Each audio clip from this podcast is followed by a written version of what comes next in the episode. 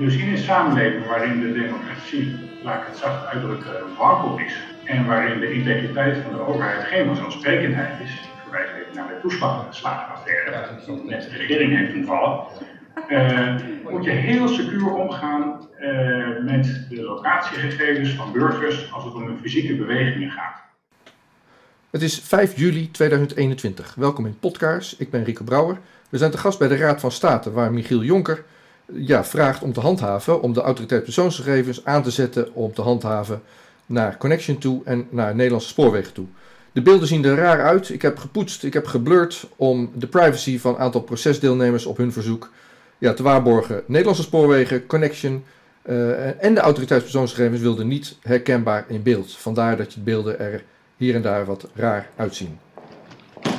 Goed, iedereen ziet, open ik de zitting van de afdeling bestuursrechtspraak van de Raad van State. Welkom bij de Raad van State allemaal. En ik stel aan de orde het beroep van de heer Jonker tegen een hoger beroep van de heer Jonker tegen een uitspraak van de rechtbank Gelderland. Ik ben bang dat uw afdeling de drie zaken die nu voorliggen, private of semi-private willekeur gaat legaliseren. Daardoor zouden de Nederlandse burger op het gebied van privacy rechteloos en met lege handen achterblijven. Ik vermoed dat de belangrijkste functie van deze rechtszaken helaas zal zijn dat hiermee de afschaffing van opnieuw een stukje van de Nederlandse rechtsstaat wordt gedocumenteerd. Maar ik wil natuurlijk graag hopen op een betere uitkomst. Graag wil ik nu enkele kernvragen noemen die in deze, zaak, in deze eerste zaak aan de orde zijn. Het gaat hier over de zaak uh, Connection. Um, vier kernvragen.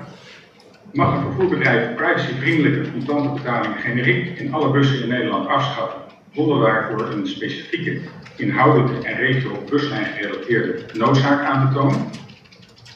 Mag een bedrijf contant geld als wettig betaalmiddel weigeren bij toonbankbetalingen? Mag een bedrijf dat een monopolie heeft en een publieke nutsfunctie vervult, met behulp van een door datzelfde bedrijf afgedwongen contract, dat wil zeggen algemene voorwaarden, een burger dwingen om diens persoonsgegevens te laten verwerken? Mag de AP weigeren onderzoek te doen en gewoon maar aannemen dat Connection dit alles mag doen, zonder serieuze toetsing of Connection heeft gedaan aan artikel 2 AVG, de verantwoordingsplicht? Dat waren mijn vragen en mijn inleiding.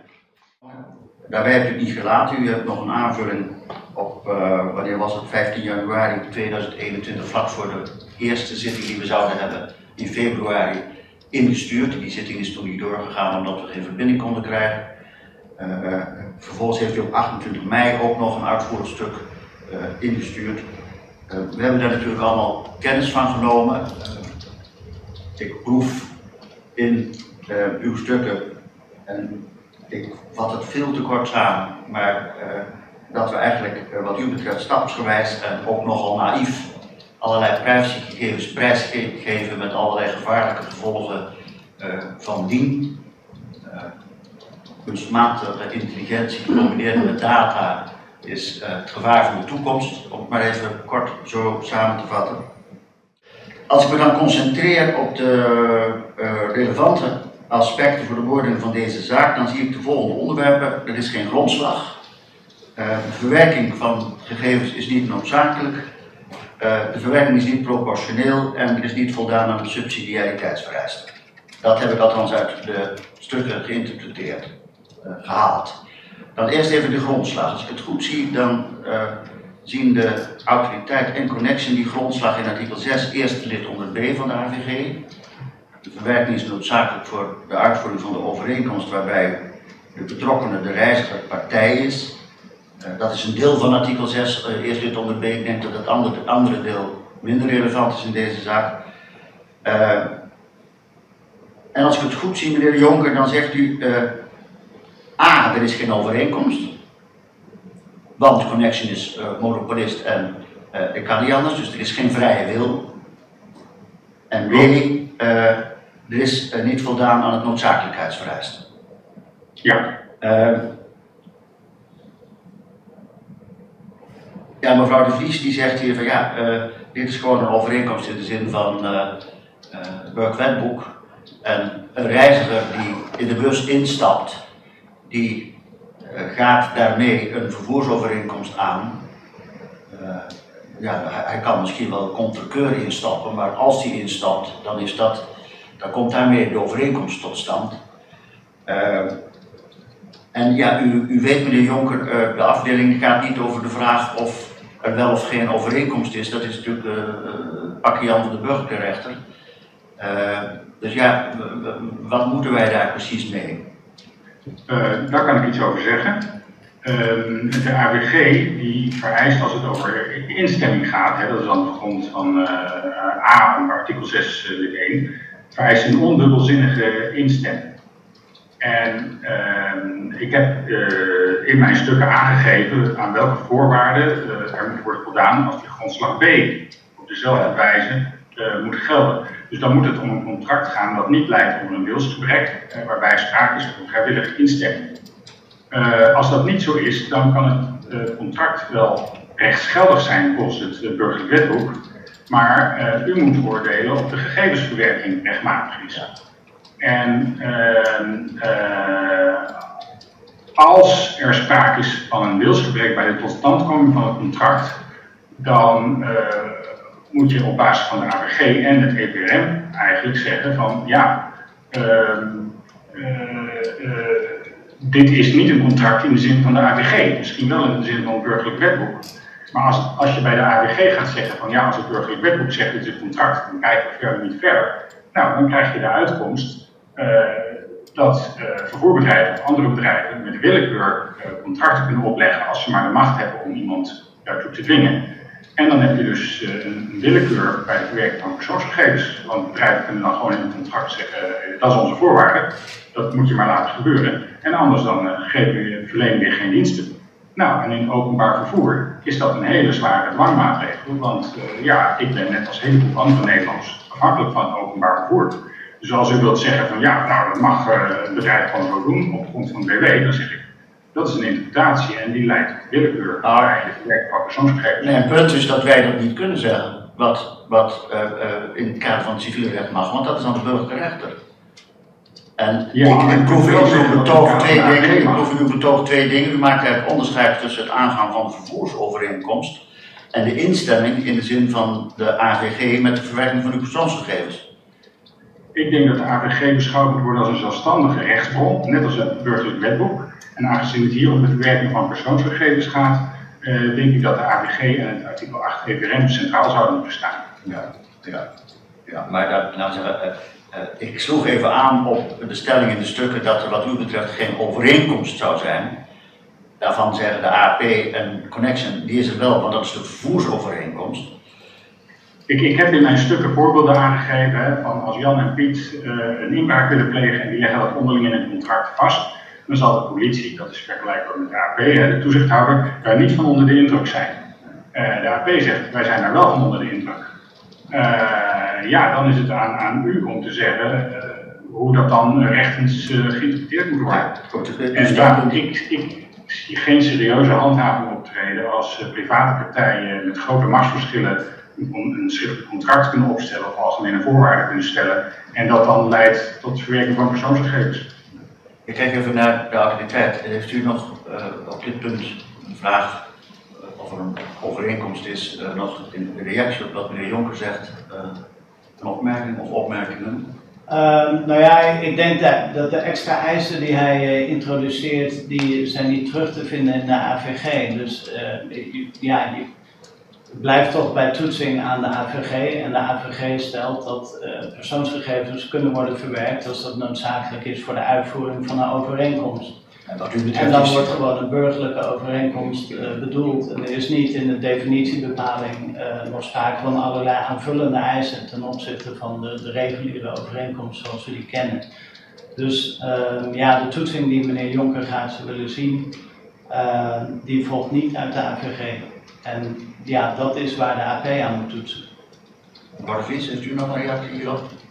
Ik heb eigenlijk heel weinig Dat heeft u al gedaan. Ik heb net betoogd dat het een doende overeenkomst Nou zijn er, begrijp ik, uh, in het kader van dat uh, actieprogramma 23 maatregelen getroffen. 23 afzonderlijke maatregelen.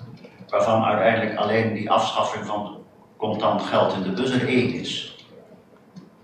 Is het nou Uh, want dat proef ik ook een beetje in de stellingen van meneer Jonker. En meneer Jonker moet mij corrigeren als ik dat verkeerd zeg. Uh, is het nou, uh, is meetbaar, laat ik het zo zeggen, is meetbaar welk effect die afschaffing van die mogelijkheid van het betalen met contant geld heeft gehad op die trend waarbij er een daling is van incidenten? Even maar in eerste plaats naar u, mevrouw de. Nou, ik, ik, was een, ik, ik, ik, weet niet meer welke was het nou, uh, het stuk uit 2016 of 2018, daar stond wel in. Uh, of u goed in de microfoon oh, spreken. sorry. In een van die stukken stond ook dat die, eigenlijk die, die maatregelen, die 23 maatregelen, dat stond in een stuk van 2016, die kunnen niet los van elkaar worden gezien. Dus een maatregelenpakket dat alle vervoerders met elkaar hebben afgesproken. Dus wordt ook niet op die losse maatregelen uh, gemeten. Maar natuurlijk niet voor niks dat die maatregel met het uh, contant uit de bus weren, dat die als eerste wordt genoemd. Dat is eigenlijk de meest logische en evidente maatregel om A-incidenten te voorkomen. Als er geen geld is, wordt de bus ook minder snel opgekomen.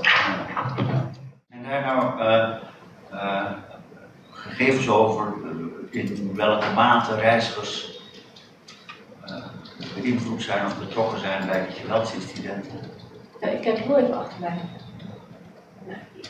Uh, ik kan niet zo cijfers noemen, maar er zijn wel de dossiers die zijn bekend.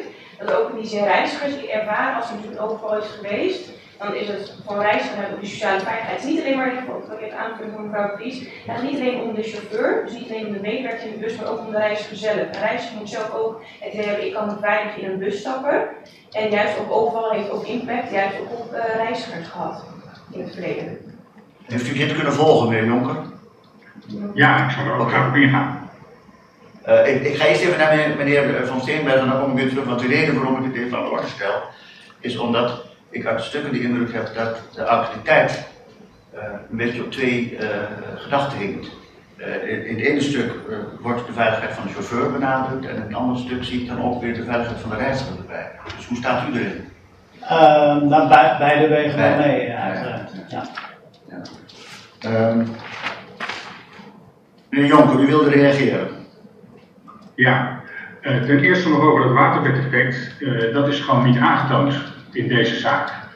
Uh, dus dat wou ik nog even memoreren, dat dat is gewoon niet aangetoond. Waar, waar blijkt het uit dat dat waterbed zou, effect zou bestaan als het gaat om die specifieke dadergroep die hier aan de orde is? dat is wat u betreft niet een logische redenering. Het is een aanname. Het is gewoon een stelling. Er is een waterbedeffect, maar dat is in de hele procedure tot nu toe niet aangetoond voor deze zaak. Nog over uw uh, uh, laatste vraag. Um, oh ja, reizigers of chauffeur. En, en, en, de plicht van Connection om een veiligheid te waarborgen.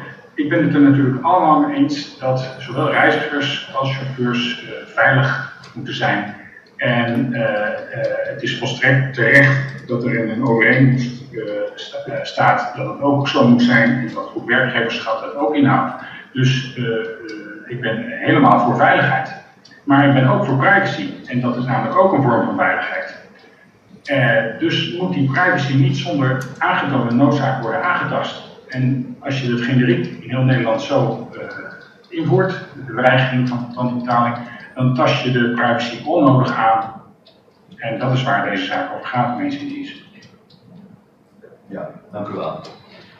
Uh, u wijst er ook nog op dat uh, als het gaat om het noodzakelijkheidsvereiste, dat uit uh, laten we zeggen, de Europese bronnen blijkt dat het een strikte noodzaak moet zijn. nou zit ik zelf een beetje te worstelen met de vraag, wat, wanneer is iets nou noodzakelijk? ja. je, je kunt zeggen van ja, als het anders kan, ongeacht de kosten, ongeacht de inefficiency, ongeacht uh, uh, nou ja, wat er allemaal inmiddels deze moderniteit mogelijk is. Als het niet hoeft, dan is het niet strikt noodzakelijk en kan het dus niet. Dat zou dus betekenen dat, ja, dat, we, dat we heel veel vernieuwingen en verbeteringen die de moderne tijd.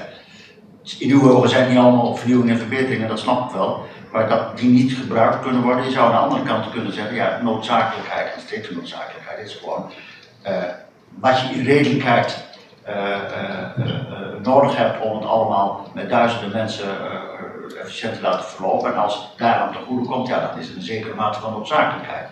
U zit meer bij de eerste interpretatie en ik begrijp dat beide partijen hier in de zitting aanwezig meer op de andere interpretatie zitten. Zie ik dat goed? Wilt u reactie van mij op? Van... Nou ja, eh, eh, ik, ik zei dat u waarschijnlijk meer op de eerste, eh, op die, op die hele strikte noodzakelijkheidsinterpretatie zit. En dat de beide andere partijen wat meer ruimte zien. Ik wil het alleen maar even vaststellen om, om, om de, de tegenstellingen helder te hebben. Nou, ik zou er iets over willen zeggen. Het is, het is niet zo'n eh, duidelijke tegenstelling, omdat eh, de verschillende manieren waarop je met eh, zaken omgaat, met nieuwe technologische ontwikkelingen bijvoorbeeld, en de mogelijkheden die dat biedt, eh, die kunnen ook de verdere technologische ontwikkeling en de organisatorische ontwikkeling beïnvloeden. Dus als je eh, vasthoudt aan het grondrecht op privacy, eh, dan zal dat ertoe leiden dat Connection eh, en andere vervoerbedrijven eh, zich genoodzaakt zullen zien om daar nieuwe oplossingen voor te vinden die wel respect eh, tonen voor dat grondrecht. Eh, dus ik denk eigenlijk dat omdat het hier om een hele elementaire grondrechten gaat eh, en om locatiegegevens van mensen waar ze zich fysiek bewegen, dat is een heel, heel belangrijk stuk privacy, dat je daarom vast moet houden aan het grondrecht. Tenzij echt is bewezen dat het niet kan en dat het nodig is en dat het een serieus risico is. Maar dat is in deze, in deze zaak is dat gewoon alleen maar een beetje aangenomen in het algemeen. Toen is er een generieke maatregel over heel Nederland uitgerold. Dat is Ik buiten proef- proportioneel, mijn zin. Ik proef in uw antwoord dat u inderdaad op die eerste hele strikte eh, interpretatie zit. Het moet echt noodzakelijk zijn en eh, als, als dat niet is aangenomen, dan moeten er maar andere mogelijkheden eh, worden verzonnen waarbij die privacy wel gewaarborgd is wat u betreft. En, Ik vind het niet eh, heel strikt, maar meer gezond verstand. Ja, ja, nou ja goed, daar, daar kan verschillend over gedacht worden, begrijp ik. Ja. Eh, Connection wees op het feit dat er met allerlei instanties is gepraat, zoals uh, regionale consumentenorganisatie Robof en politie en vakbonden. En nou, heel polder Nederland is daar kennelijk bij betrokken. Maar dat wil nog niet zeggen dat je daarmee echt de privacy buitenspel kunt zetten. En dat vind ik een belangrijk aspect, dat dat telkens terugkeert in deze zaken. Dat een aantal mensen in achterkamertjes, noem het even heel kort voor de bocht zo, die beslissen dan samen dat ze iets gaan doen. Nou, en dan moet de wet maar kennelijk een beetje bijbuigen. Um... Goed, dank u wel. Uh, dan sluit ik het onderzoek ter zitting in deze uh, zaak. Uh, de afdeling is nu voldoende voorgelicht en gaat over de zaak nadenken en uiteraard uitspraak doen. In principe staat er zoals u weet zes weken voor, maar uh, waarschuw me alvast uh, dat er ook hier uh, de komende maanden wel eens mensen met vakantie gaan. dus ik weet niet helemaal zeker of het lukt, maar als het niet lukt, krijgt u daarvan bericht.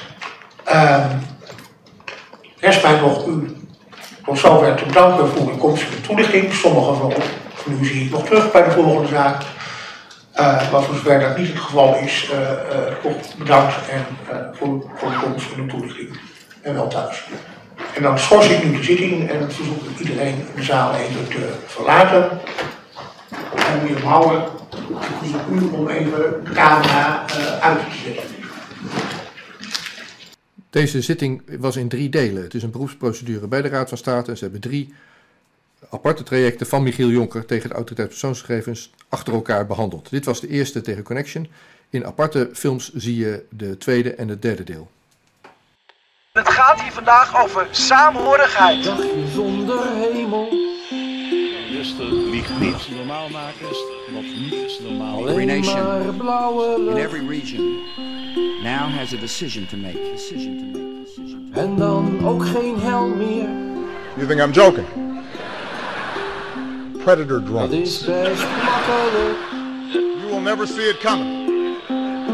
Wat dacht je, alle mensen Laat staan dat ik eh, kan ingaan over vuur. bezig met vandaag.